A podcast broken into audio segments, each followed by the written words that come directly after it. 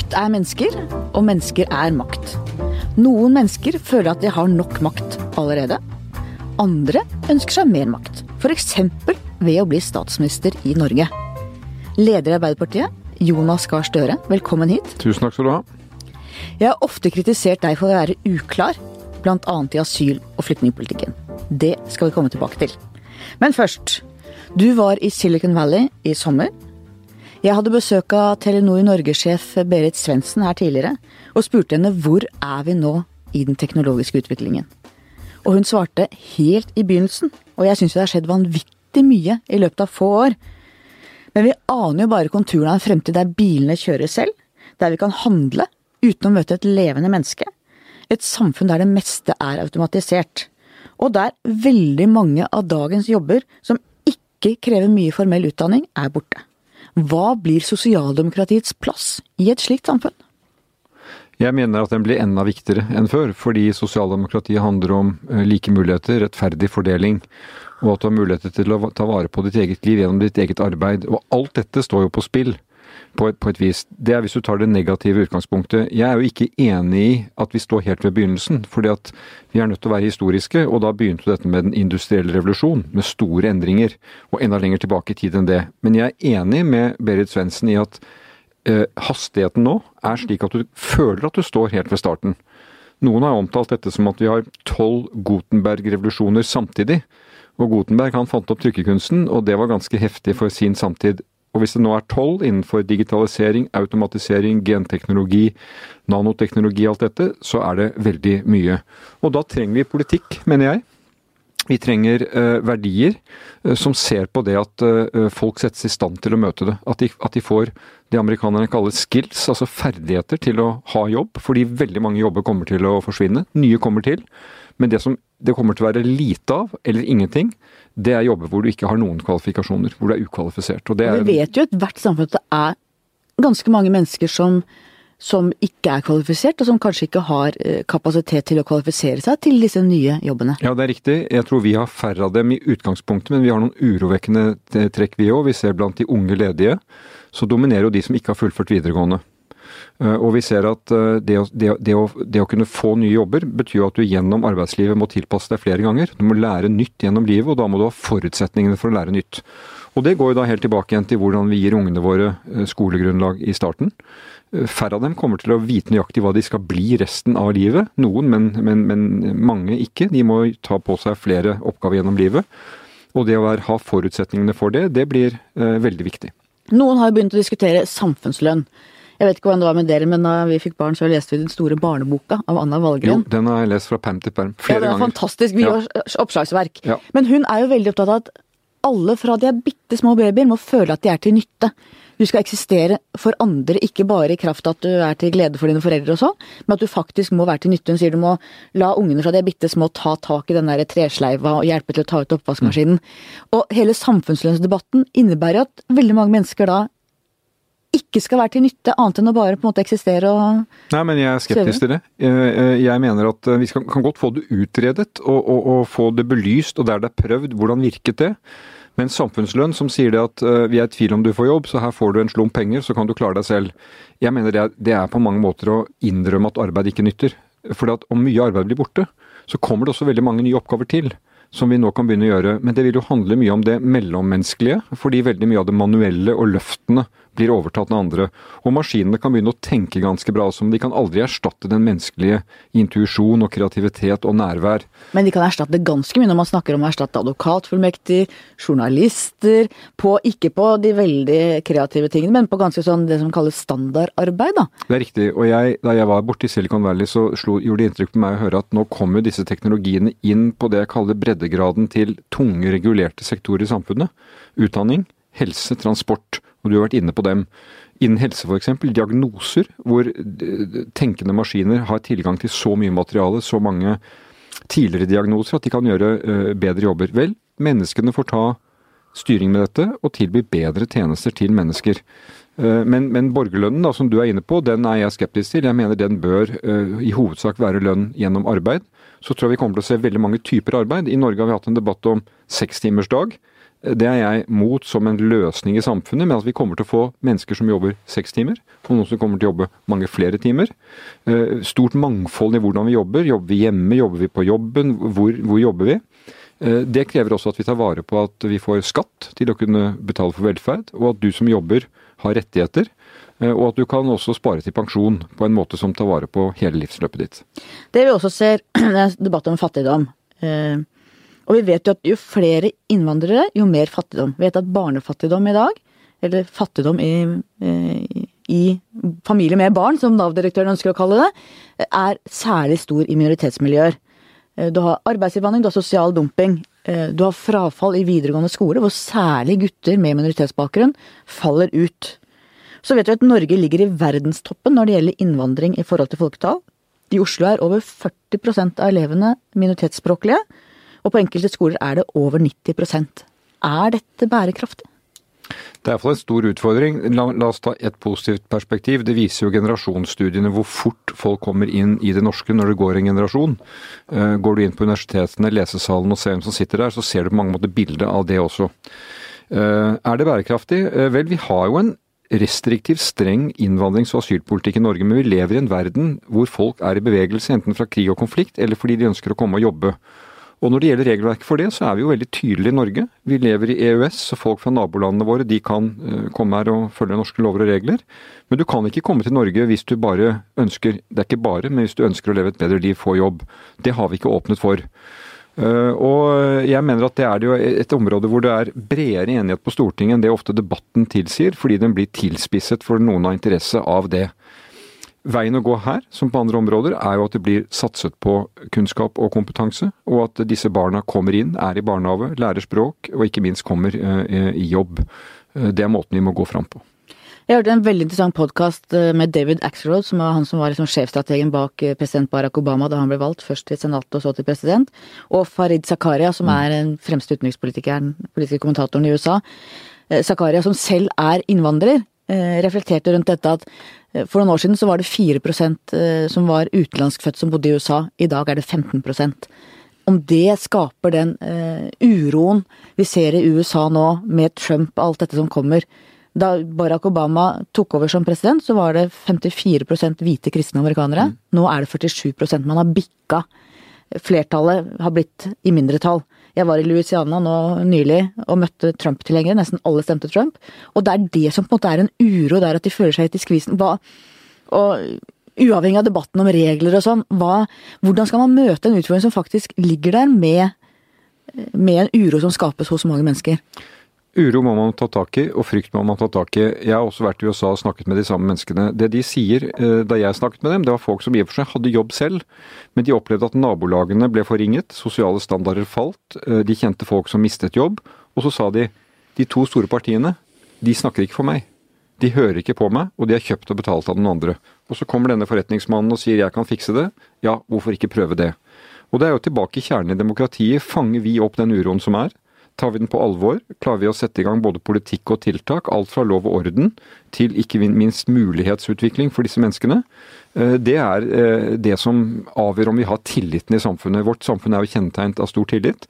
Det virker som tilliten holder seg høy, selv om vi har også fått flere med ulik bakgrunn inn i samfunnet vårt. Og det er jo avgjørende å sikre at det fortsetter. Men jeg vil jo også si at vi, vi, lever i en verden som er sånn. Eh, vi ønsker ikke å bli eh, Nord-Korea som lukker oss inne eh, og sperrer alle folk ute. Det at det kommer folk er også med på å berike Norge. Og da tror jeg vi også er sterke nok til å håndtere de utfordringene som helt åpenbart oppstår når dette skjer over ganske kort tid.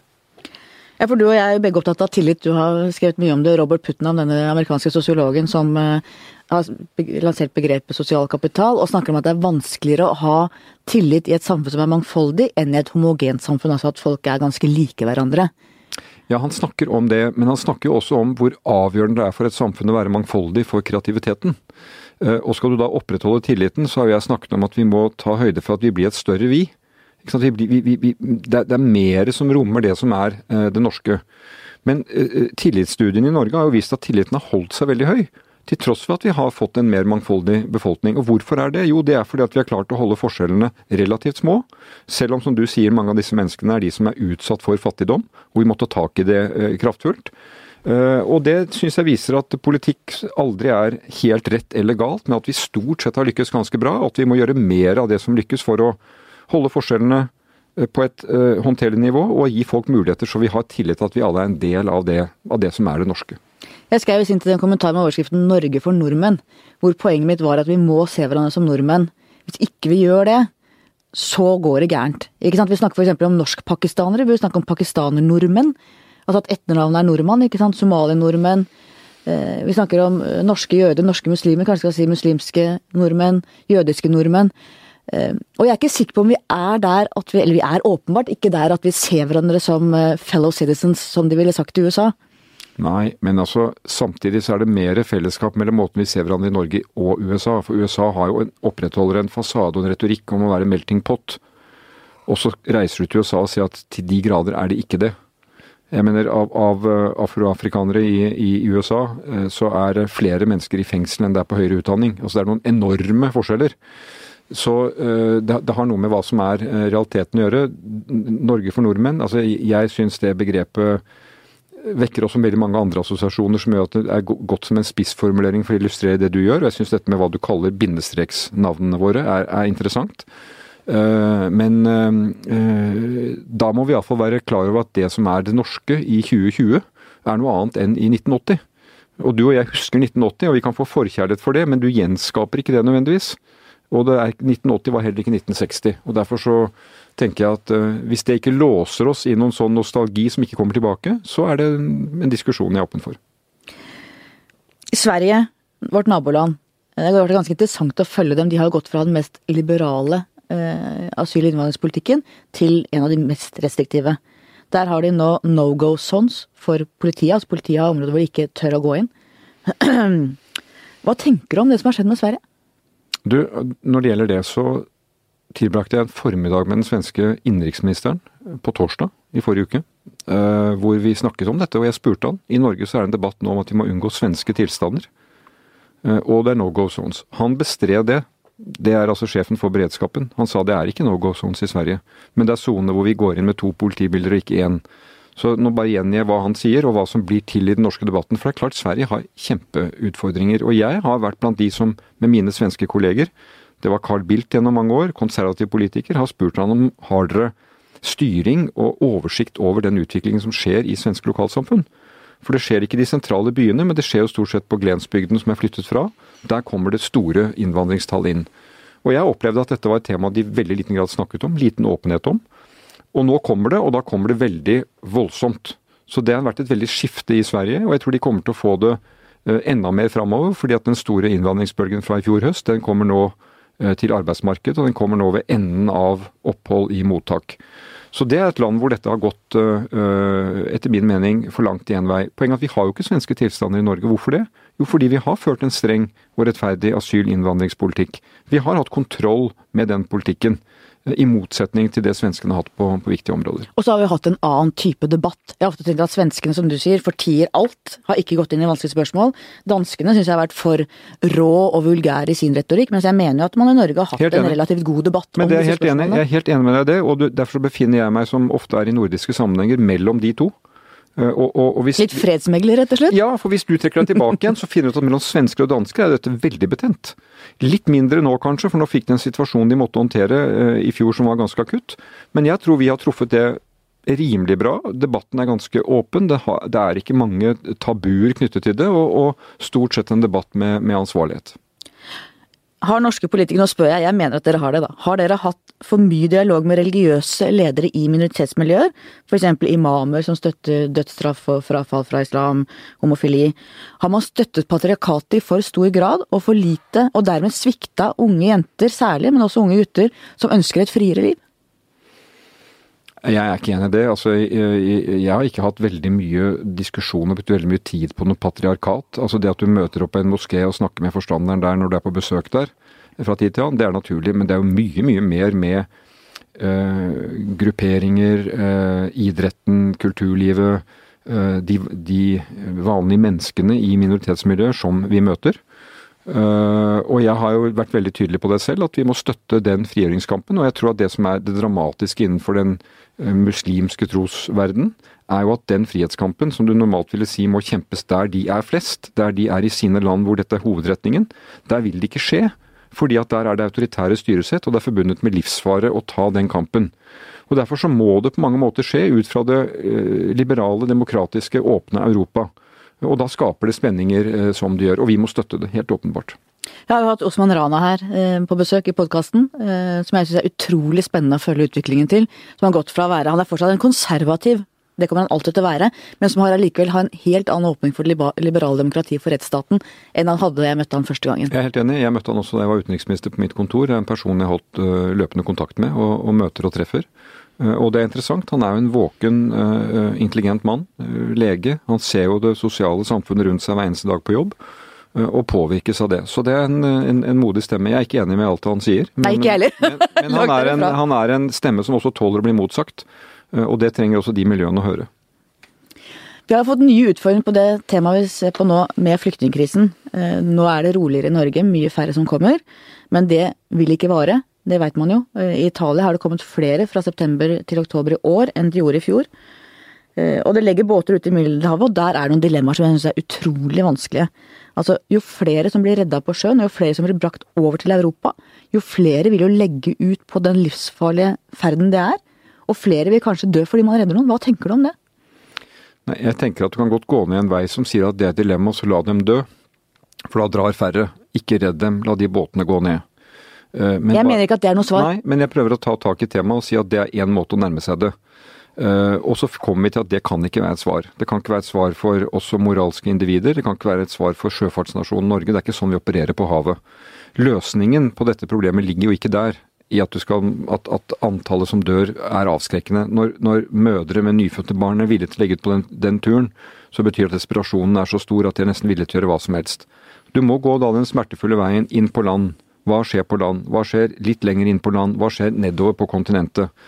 Eh, og Det er derfor eh, samfunn som oppløses av krig, kommer uten styresmakter, uten noe kontroll, øker dette trykket og gjør det vanskeligere å håndtere det. Men det er å få bilagt krigene, det er å få orden på styresettene, få til utvikling i de områdene hvor disse menneskene bor, som er den harde og vanskelige veien å gå. Og så er det klart det er ikke et svar på denne store folkevandringen å si at Europa er det åpne stedet. Det kan ikke Europa si. Eh, og det mener jeg er noe av det vi også nå eh, ser. Og Europa famler med å komme et felles svar. Det er jo noe vi ser i EU. Eh, men, men det er heller ikke svaret på den folkevandringen vi nå har, at Europa sier at det er åpent å komme for oss, for de som ønsker seg jobber. Men at vi redder folk i nød, det har noe med den europeiske identiteten å gjøre som jeg mener vi ikke må renonsere på. Eh, paradokset her er jo at mange av de som kommer, er, kommer fordi de har fått bedre råd i en del afrikanske land f.eks., og mer informasjon gjennom hele den digitale revolusjonen. Sånn at hvis man får et økonomisk løft i en del av disse landene, så vil jo det føre til at flere ser hva som finnes i Europa, og har mulighet til den billetten til å dra. Ja, det er den verden vi lever i, Hanne. Det er flere eh, sykepleiere fra Malawi i Manchester enn i Malawi, som vi sa for noen år siden, for å illustrere det dilemmaet. Eh, det er slik at det er lett for oss å sitte og si at eh, disse landene trenger jo sykepleierne selv. De trenger folk som kan det selv, men folk reiste til Norge for å søke muligheter i andre land, også en tid hvor man ikke nødvendigvis sultet i hjel i Norge. Fordi det var bedre muligheter og kunnskap om det. Man dro over havet til USA. Det var farefullt nok som det var det. Så det tror jeg bare vi må, vi må ta med oss at det er den verden vi lever i. Eh, og for meg så taler det for at vi må ha mer internasjonalt samarbeid. Vi må ha mer innsats for å sørge for at det blir levelig liv i de landene de har vokst opp. Folk flest ønsker ikke å flytte fra det som er aller nærmest for dem, men blir nøden for stor, eh, eller de ser noe som er veldig mye mer attraktivt, så ligger de eh, ut på vei. En del av asylforliket før jul gikk ut på at man skulle se på internasjonale konvensjoner, internasjonalt regelverk. For det vi blant annet ser, er at vi hjelper i dag de som er sterke nok til å reise, ikke nødvendigvis de som trenger beskyttelse mest. Eh, er det en realistisk mulighet å, å, gjøre noe med disse konvensjonene som regulerer dette? Det er en ganske åpen formulering det, og jeg gikk med på den. Uh, fordi jeg mener det er riktig. Uh, noen tolker det som at vi skulle reforhandle europeiske menneskerettighetskonvensjonen. Selvfølgelig ikke. Men det er viktig f.eks. å se på det temaet som handler om kvoteflyktninger. FN har jo en 500-600 millioner, altså mange millioner av mennesker som er i leire og som ikke kan returnere til landene sine. Hvordan tar vi ansvar for dem? Hvordan hindrer vi at det blir helt uhåndterlig? Det har vi ikke ordentlig ansvarsfordeling for. EU har det ikke seg imellom, EU-landene osv. Derfor bør man ha en gjennomgang av det. Jeg ser ikke at den norske regjeringa har kommet med noe initiativ til det foreløpig. Det er vanskelig. Jeg erfarte det selv da jeg ønsket å få til regelverk for finansiering av trossamfunn. Eh, kan stater som er autoritære opprette trossamfunn i Norge? Hvilke regler finnes for det? Det er krevende å gå inn i fordi det har med sånn toveis trafikk å gjøre. Eh, men det må tas opp gjennom Europarådet, det må tas opp i FN. Eh, man må søke forståelse med andre land som tenker som oss, og, forsøke å sette dagsordener som, som vinner gehør. Det er den veien å gå. Frode Forfang, UDI-direktøren, var også her, og han har jo lansert en ny tenkning rundt det som innebærer flere kvoteflyktninger, men også at man gjør noe med asylretten. At det skal ikke være, lenger være sånn at man kan, idet man setter foten på norsk jord, så har man en masse rettigheter. Er det en vei å gå? Det er interessante tanker. Eh, og jeg mente da han skrev den artikkelen at det var, var, det virkelig verdt å reflektere om. Hvis, hvis, målet er at du må sette livet på spill for å komme til en grense for å søke asyl, skaper problemer for deg, og det skaper også spenninger i de landene du kommer til, det er ikke en veldig bærekraftig.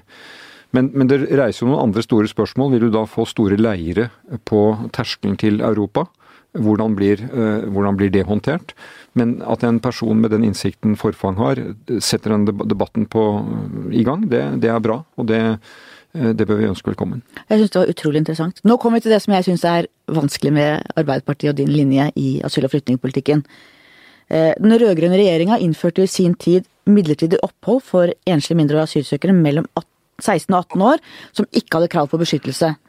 Eh, nå kommer det langt flere langt yngre, eh, og det kommer langt flere eh, i det hele tatt. Dere iverksatte strakstiltak da det nærmet seg 1000 i året, som var veldig mange den gangen.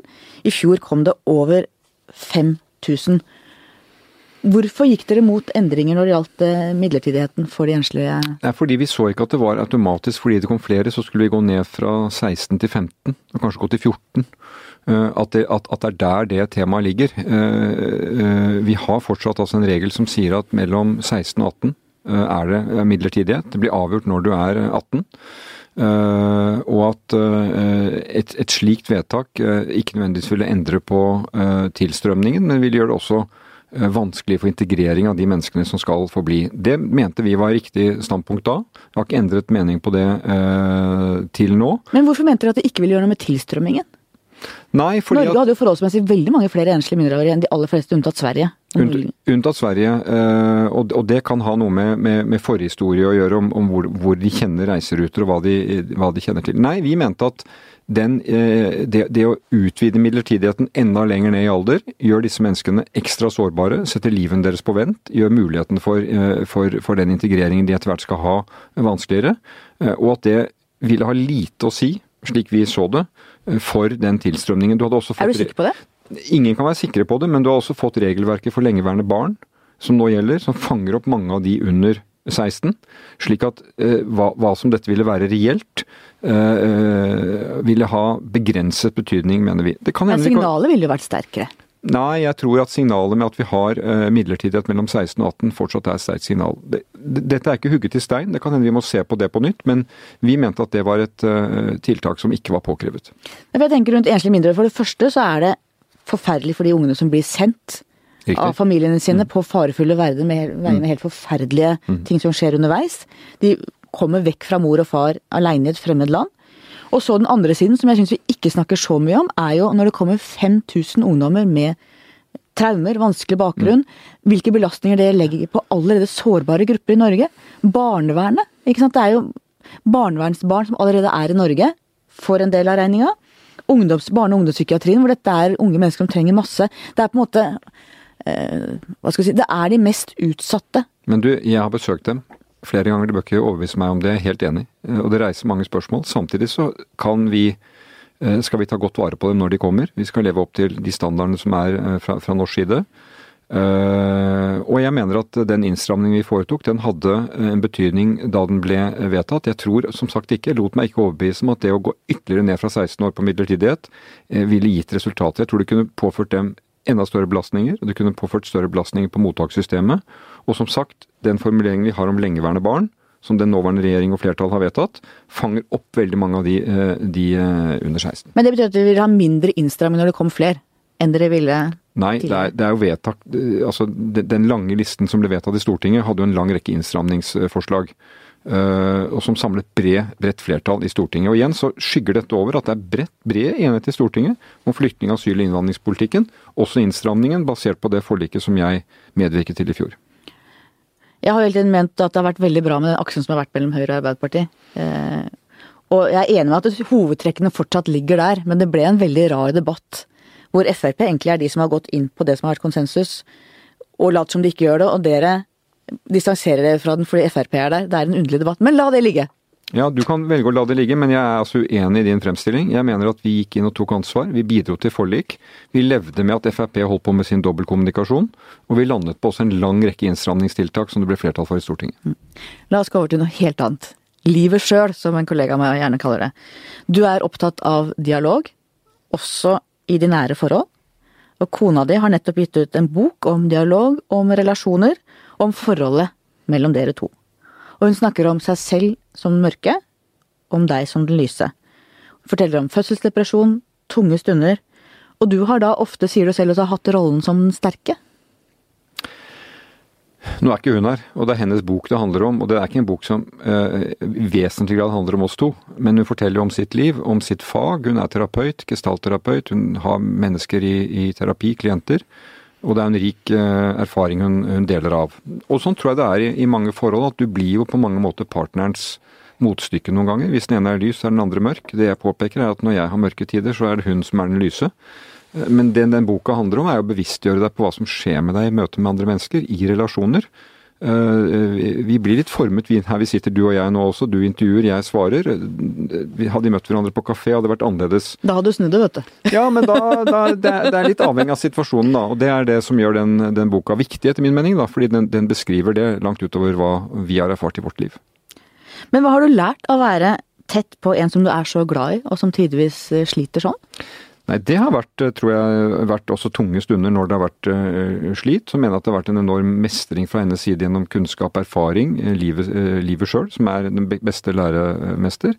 Og så er det jo ofte på den måten at når ting er tungt, så er, er, det også litt rikt, da. Du lærer sider om deg selv og andre som gjør at du ser livet i et litt større bilde enn det som er det lette overfladiske. Jeg tror mennesker er ikke laget for lette overfladiske liv det som du tenker tilbake på som viktig og vesentlig i livet ditt, det er ikke bare de, de, lyseste stundene. Det er også de viktigste, og de kan være mer sammensatt. Hva er det ting du overfører i ditt virke i politikken, som du har lært hjemme? Det er ikke godt å si, men jeg sier ofte at hun ligger langt unna den politiske verden i det hun driver med, men jeg har lært veldig mye fra det jeg hører om hennes møte med mennesker. Og det er egentlig det vi driver med vi òg. Vi skal prøve å lage politikk for gode lokalsamfunn, gode oppvekstvilkår også i det internasjonale. Og når jeg møter folk gjennom forhandlinger, f.eks. For av utenriksminister, så er jo det et møte, møte, over bordet. Hva skjer i dette møtet? Hvordan kan du få fram det du står for på en måte som må bety at du skjønner hva som skjer med den andre. Dialog handler jo egentlig ikke om å sitte og snakke til hverandre, det handler jo om at du åpner deg for å få gjennomslag for det jeg mener, så må jeg også la meg prege av det du sier til meg. Og det tror jeg du kan finne igjen i de veldig mellommenneskelige, men også i det arbeidsfeltet jeg har. Grubler du mye nattestid? Har du noe forhold til vargtimen? Nei, egentlig ikke, men jeg er veldig glad de gangene Nei, jeg grubler ikke mye nattestid, men det jeg ikke liker ved nettene, det er de gangene jeg våkner. Og så får jeg et eller annet som jeg begynner å tenke på. En liten nagg oppi ja, hodet? Og så ligger jeg og tenker på det, og så tenker jeg at eh, nå er jeg ikke en god problemløser på natten. og hva slags ting kan det være? Nei, Det kan være alt fra et eller annet som kommer på jobben i morgen, til et eller annet i det private som uroer meg. Men ofte når jeg da våkner sånn i halv sju-tida, går i dusjen, tenker jeg at lå jeg virkelig og uroet meg over dette? Mm. dette? Men dette er jo vargetimen? Ja, jo, det kan være noe i det. Og jeg har til og med lest at, man, at kjemien i hjernen på det tidspunkt er annerledes, at ting blir mørkere. Jo, men det var ikke tilfeldig for at det var da eh, folk ble vekket om natten for å bli forhørt. Eh, du har lest om det fra andre verdenskrigen. Fordi at det er en sårbar time. Mm. Så det er aller best å sove da, og det gjør jeg stort sett. Vi må snakke om barndommen din, om hva som har preget deg.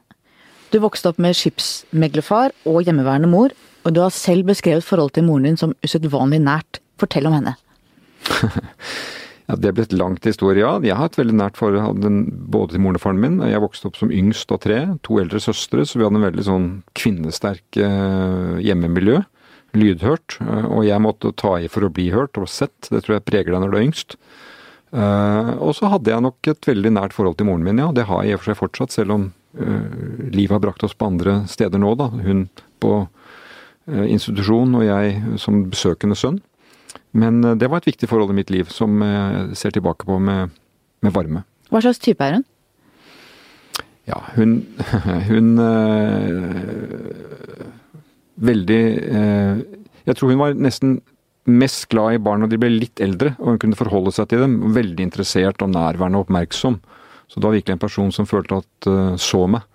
Så det å, å, å, bli sett, som jeg tror er viktig for alle mennesker, og sånn sett bli omtykt, som man sier på svensk, det opplevde jeg en rikt mann fra henne. Veldig sånn til stede for, for meg i alle de viktige barneårene.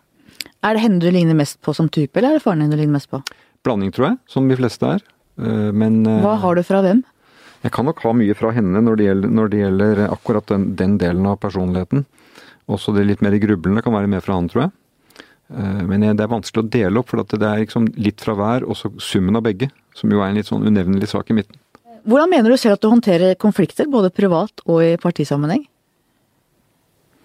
Jeg ser konflikter som noe uh, naturlig, egentlig. Fordi du får interessekonflikter, interessemotsetninger som du må håndtere. Og det tenker jeg at hvis du bruker språket fra min gamle jobb som utenriksminister, så pågår det egentlig forhandlinger hele tiden for at du skal liksom ta vare på interessene dine. Og så kan konflikter håndteres på gode måter og dårlige måter. De kan, bli, de kan bli voldelige, og de kan bli dypt splittende. Eh, men jeg er vel eh, ja, Det høres litt sånn slitt ut. Løsningsorientert. da. Hvordan, hvordan, Det at det er interessemotsetninger, det er helt naturlig. Noe av mine studier før jeg begynte å jobbe, handlet om konfliktløsning. Sør-Afrika? Sør-Afrika, Harvard, eh, eh, akademisk miljø der. Og, og, det lærte nok meg mye om at eh, For jeg kan nok som barn og ungdom vært veldig sånn havne i konflikter med sterke meninger. Var du sint? Var du mye sint? Ja, ganske temperament hvor det sto Nei, ikke sint, men, men temperamentsfull og sto på, sto på, mitt. Og det er jo i og for seg Og det har du slutta med, eller? Nei, men det er heroisk nok. Men spørsmålet er hvordan får jeg gjennomslag for det jeg står for? Det er jo det du, neste spørsmål du må stille. Du kan bli stående alene i skolegården eller på arbeidsplassen og helt tviholde på ditt, men du får ikke til noe. Så det du blir tatt inn i gjennom livet, føler iallfall jeg er at hvordan får jeg gjennom det jeg står for, det jeg brenner for. Og når du er valgt som leder av et parti, eller du sitter som en statsråd, så skal du jo representere flere. Hvordan får jeg gjennomslag for flere? Eh, og da er det å definere det å, det å, gå i konflikter som sperrer, låser andre inne, det er ikke noe god type ledelse. Du skal jo få ting til å Men du har fortsatt temperament? Ja, det har jeg. Jeg husker en gang, jeg vet ikke om du husker, hvor jeg skrev om Norge som skulle inn i FNs menneskerettighetsråd, og du mente jeg var helt på tur og vi snakket sammen på telefon, og du var sint. Og det er eneste gangen jeg har opplevd å bli jeg vil nesten si skjelt ut av Jonas Gahr Støre. Eh, og det var interessant. Det kan jeg fortelle han at uh, hvis jeg hadde ringt deg hver gang jeg hadde temperament i forhold til deg, så hadde du fått ditt å selge med, men det har jeg tøylet. Så det har jeg sikkert. Har det vært slitsomt å tøyle? Nei, men, det, men, vet du hva, Hanna Kvanmo sa nå en gang, den gamle SV-kjempen, at etter hvert som hun ble eldre, så ble hun veldig kritisk i hva hun valgte å irritere seg over. Det har jeg lært av. Kan velge hva man irriterer seg over, og hva man lar passere. Ja, men det høres ut som jeg har sluppet ja, unna mange telefonsamtaler. Ja, det har du. Ja. Men jeg har sagt til deg da du fylte år at eh, det er veldig bra at det er sterke meninger i presset. Det er jo en del av det som kjennetegner demokratiet vårt. At man blir sett i kortene. Det skal brenne under føttene til de med makt. Både i Stortinget og fra media. Uh, og så kan du oppfatte det som urimelig, og så må du gå i deg selv og si er det fordi du reagerer emosjonelt fordi noen går imot deg, eller er det fordi de kanskje har et poeng? Og da, det, det, å se at de kan ha et poeng, er ikke betyr at du er konfliktsky, men det betyr at du prøver å forstå litt større av hva det handler om. Eh, og der eh, har jeg også da anerkjent eh, det du har skrevet, og det andre har skrevet som jeg ikke nødvendigvis er enig i, men det, det belyser og bredder ut. Ja, for jeg tenker at min jobb er å plage makta. Ja. Min jobb er å, å, plage deg. Og som jeg også har sagt at jeg setter veldig pris på at jeg opplever at det er en gjensidig respekt der. Ja. Eh, sånn må det være. Og sånn, sånn må det være. Ja. Og vi har ulike roller, og, og, jeg liker veldig godt min rolle. Ja. Din egen bakgrunn, eh, rikmannssønn fra vestkanten, gjør det at du, føler at du skylder mer i forhold til f.eks. LO, det å skulle eh, få troverdighet i andre grupper enn den du selv kommer fra. F.eks. Gro Harlem Brundtland, tidligere statsminister og Ap-leder, hadde jo stadig fighter med Yngve Haagensen. Jens Stoltenberg hadde kanskje ikke så mye med Geir Liv Valla, for hun eh, var jo ganske eh, rå i sin omgang med han. Men når gikk du sist imot noe som LO ønsket seg? Ja, det eh, skjer oftere enn du tror. Men igjen, det er ikke noe mål på om jeg er meg og står for det jeg står for. Eh, jeg du, begynte med, du, begynte med, å si min bakgrunn, hva, hva, hvilke føringer legger det for meg? Hvis det er én, så er det det at jeg opplever en forpliktelse til å bidra. Til å bruke det jeg har av bakgrunn til å bety noe for andre og meg selv. Jobbe hardt. Det tror jeg har fått med meg veldig sterkt. Og så opplever jeg at jeg er valgt av Norges største parti, av et landsmøte enstemmig. Eh, jeg har blitt tatt imot som, som, den jeg er. Så det spørsmålet du nå stiller, og som noen i pressen stiller, ikke så ofte som før, det eh, får jeg egentlig ikke, opplever jeg på i min eget parti, i min egen bevegelse. Men jeg får det utenfra. Og jeg er blitt ganske god til å svare på det. Ja, det syns jeg. Ja. det er lenge. Vi snakket litt om uh, populismens fremmarsj, om Trump. Uh, noen har snakket om behovet for en ny slags sentrumspopulisme. Altså hvordan skal man klare å få gehør i de brede lag av folket for en ansvarlig sentrumspolitikk. Adressere uroen som er for mange ting. Globalisering, tap av arbeidsplasser, eh, et mer mangfoldig samfunn. Hva tenker du rundt det? Nei, altså du vet, Populisme, det, det, diskusjonen går ofte hva er det så ille? Nei, i definisjonen av at populisme handler om folk. At du snakker til folk, språk som folk forstår, om hverdag folk forstår, om den realiteten de lever i. Der må politikken være Jeg er på vei bort fra den, og jeg ser mange meningsfeller og motstandere som er på vei bort fra den. Det er farlig. Og det er jo det han frisøren ofte jeg trekker fram i San Francisco i sommer som klippet meg, jeg sier det går ganske fort å klippe meg om dagen, men det var nok til å ha en god samtale om politikk. Han hadde jobb. Klippet ti om dagen, men han var dypt frustrert fordi han ble ikke hørt i politikken. De uroene hadde, ble ikke hørt. Eh, og da vender han seg et annet sted. Da får du det utslaget med Trump. Eh, og Derfor mener jeg vi som politikere vi må ikke skygge unna den hverdagen som er. Beskrive den, lytte til den og prøve å fremme forslag som stemmer med den hverdagen som vi er i. Og jeg mener at Arbeiderpartiet eh, har klart det. Eh, vi, aldri at vi er helt i mål på det, men at vi har et, en nerve og et gen hos oss, og en påminnelse fra det vi er av organisasjon, at vi aldri må fravike det. Du har vært åpen om din egen gudstro. Hva betyr den for deg? Altså, jeg sier som Tony Blair, som jeg jobbet med i forrige tiår, at uh, I don't do God. Altså, jeg driver ikke med Gud. Eh, politikken skal ikke eh, ha religiøse tekster inn i seg. Eh, politikken skal være menneskers verk. Og jeg siterer Grundtvig som sier 'menneske først, kristen så'. Så når jeg blir spurt og boret og endt og vendt på, så har jeg delt med det at dette betyr noe for meg, den kristen-humanistiske arven, og at jeg kan ha en tro. Men så er det litt ferdig snakka. For i politikken så kan du spørre meg om det jeg står for i saker, hvilke verdier som inspirerer meg, hvilket program vi har, hva vi jobber med. Eh, så eh, dette er min bakgrunn, det jeg står for. Jeg har ikke med meg noen tro fra barndommen, det var et hjem uten det. Men det er vel ting som har gått på meg underveis gjennom livet, og jeg har erfart og, og, sett. Jeg er litt nysgjerrig på det. Jeg har jo folk tett på meg som også har gått en sånn vei. Og tenker hva eh, Hvordan kom du dit? Nei, det er vel for å, å se hvilken betydning troen har i menneskers liv i, i mange religioner verden over. Uh, det tror det ligger en enorm uh, forsoning i, i tro. Iallfall en tro som handler om tilgivelse, og at man på en måte kan, kan se at mennesker er feilbarlige. Uh, det er en, et, et, et, sterkt element, iallfall i den religionen jeg tilhører, mot hevn. Mot blodtåka, ikke sant. At det skal være en, en, en tilgivelse i det. og i tradisjonen med nestekjærlighet og, og, og, det på en måte å, å være sin neste. Det mener jeg er viktige verdier å ha med. Og når vi feiret Grunnloven, så var det 200 år med grunnlov, men 1000 år med en kristenhumanistisk arv. Og hva er den? Hva består den i? Jeg ble invitert til å tale til bispemøtet for et par år siden. Og fordi det ikke er så mange journalister igjen, så var det ikke noen som dekket det. Men da snakket jeg om hva, den, hva betyr den arven for oss i dag? Eh, og da ser du jo viktige ting som kommer ut av en, religion og et, og et religiøst sett. Individets rolle, fellesskapets rolle, ansvaret vi har, hva nestekjærligheten betyr. Eh, og det, ja, det er en del av det verdilandskapet jeg står i. Jeg ser jeg har ikke et sånt forhold til det, men jeg liker de begrepene type tilgivelse, forsoning, særlig nåde. Det er jo noen begreper ja. som jeg merker at berører meg veldig. Ja.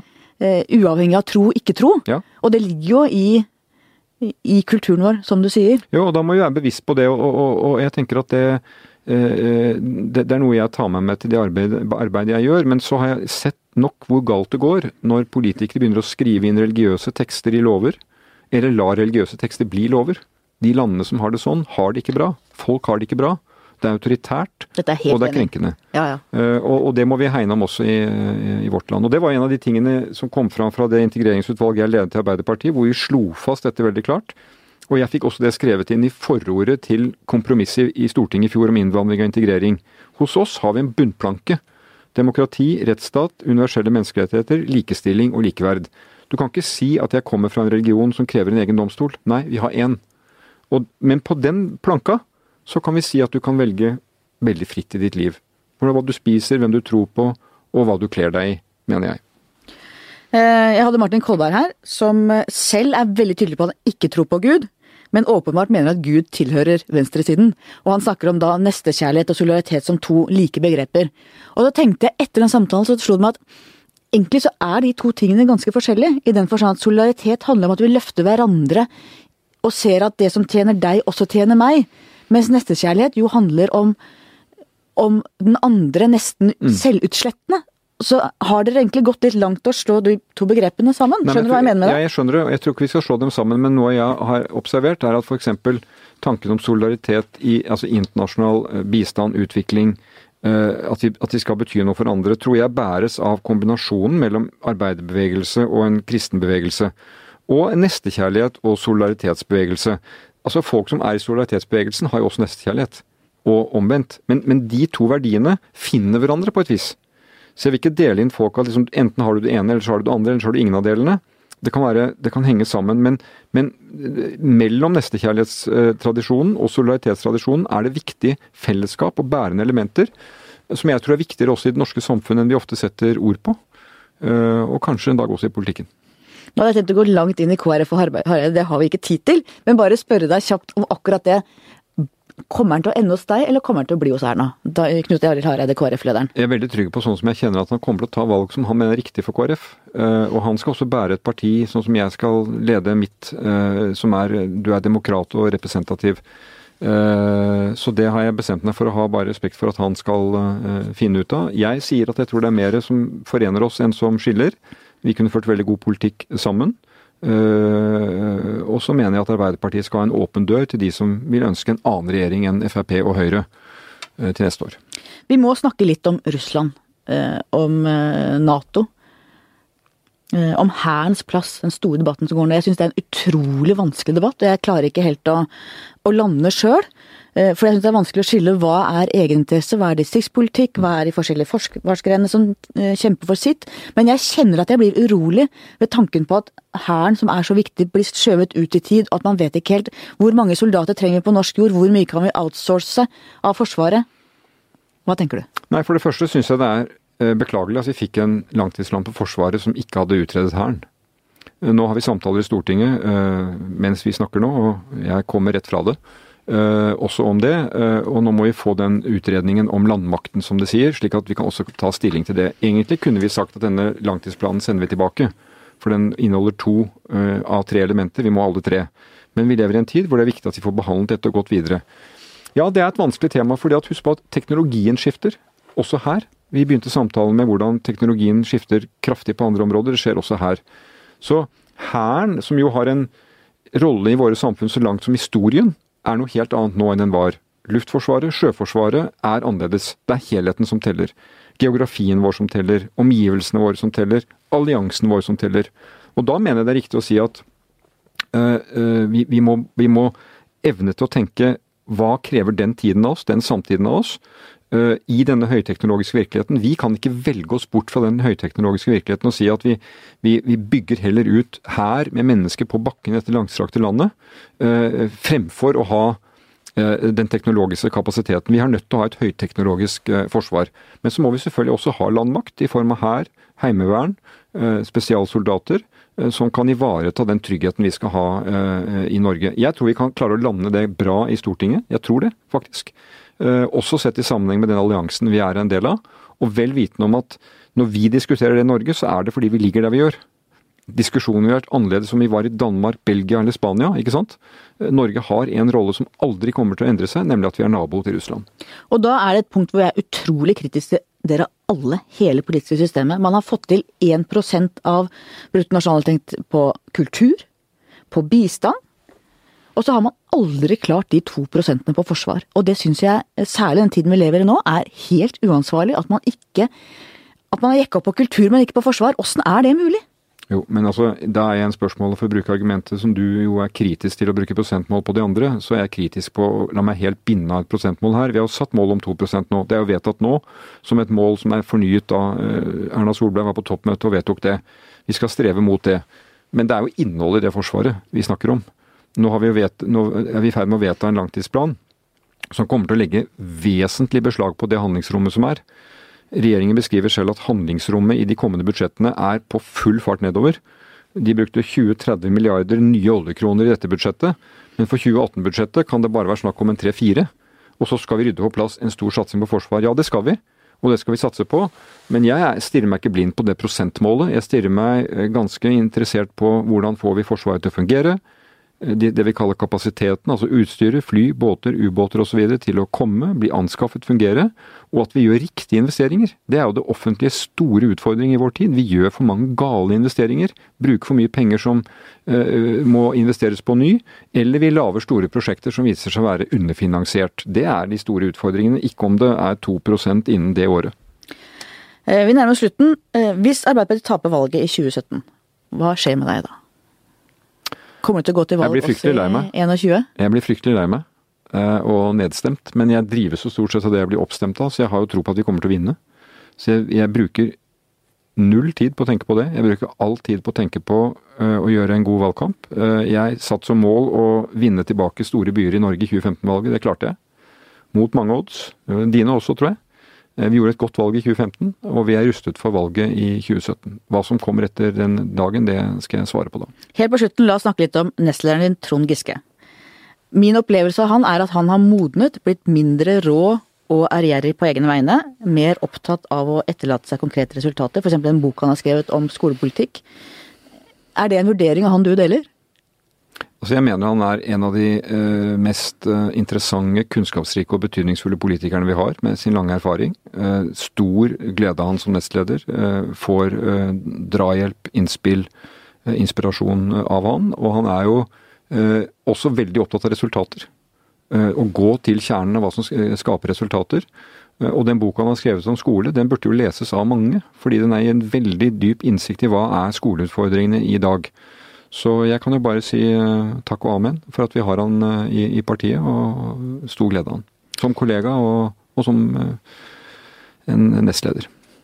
Helt til slutt, hva skal bli historien om deg? Jonas Gahr Støre, det var han som ja, det var han som uh, sto på og uh, ville gjøre en forskjell for det han tror på, og de som har valgt han, på vegne av de som har valgt han som uh, tok godt vare på Norges interesser da vi skulle forhandle uh, med vår nabo i nord om delelinje og uh, det som er Norges, Norges, interesser i den sammenheng.